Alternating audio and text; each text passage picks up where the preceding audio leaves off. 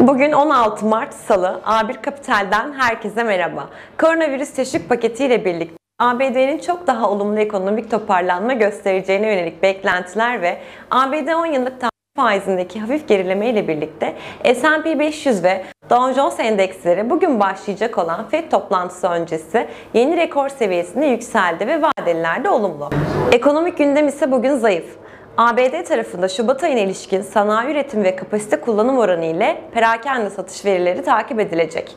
Sanayi üretiminin %0.3 artması, kapasite kullanım oranının %75.6'dan %75.5'e gerilemesi ve perakende satışların ise aylık bazda Ocak'taki %5.3'lük artışın ardından Şubat'ta eksi %0.5 oranında hafif gerilemesi bekleniyor.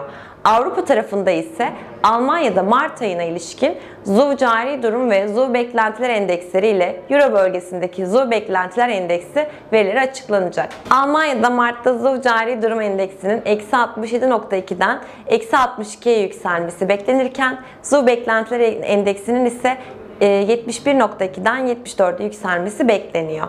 BIST 100'e baktığımızda endekste gün içerisinde ilk önemli destek noktası olarak 1550 seviyesini takip ederken 1550 seviyesinin kırılması ile 1520'ye kadar bir gevşeme görülebilir.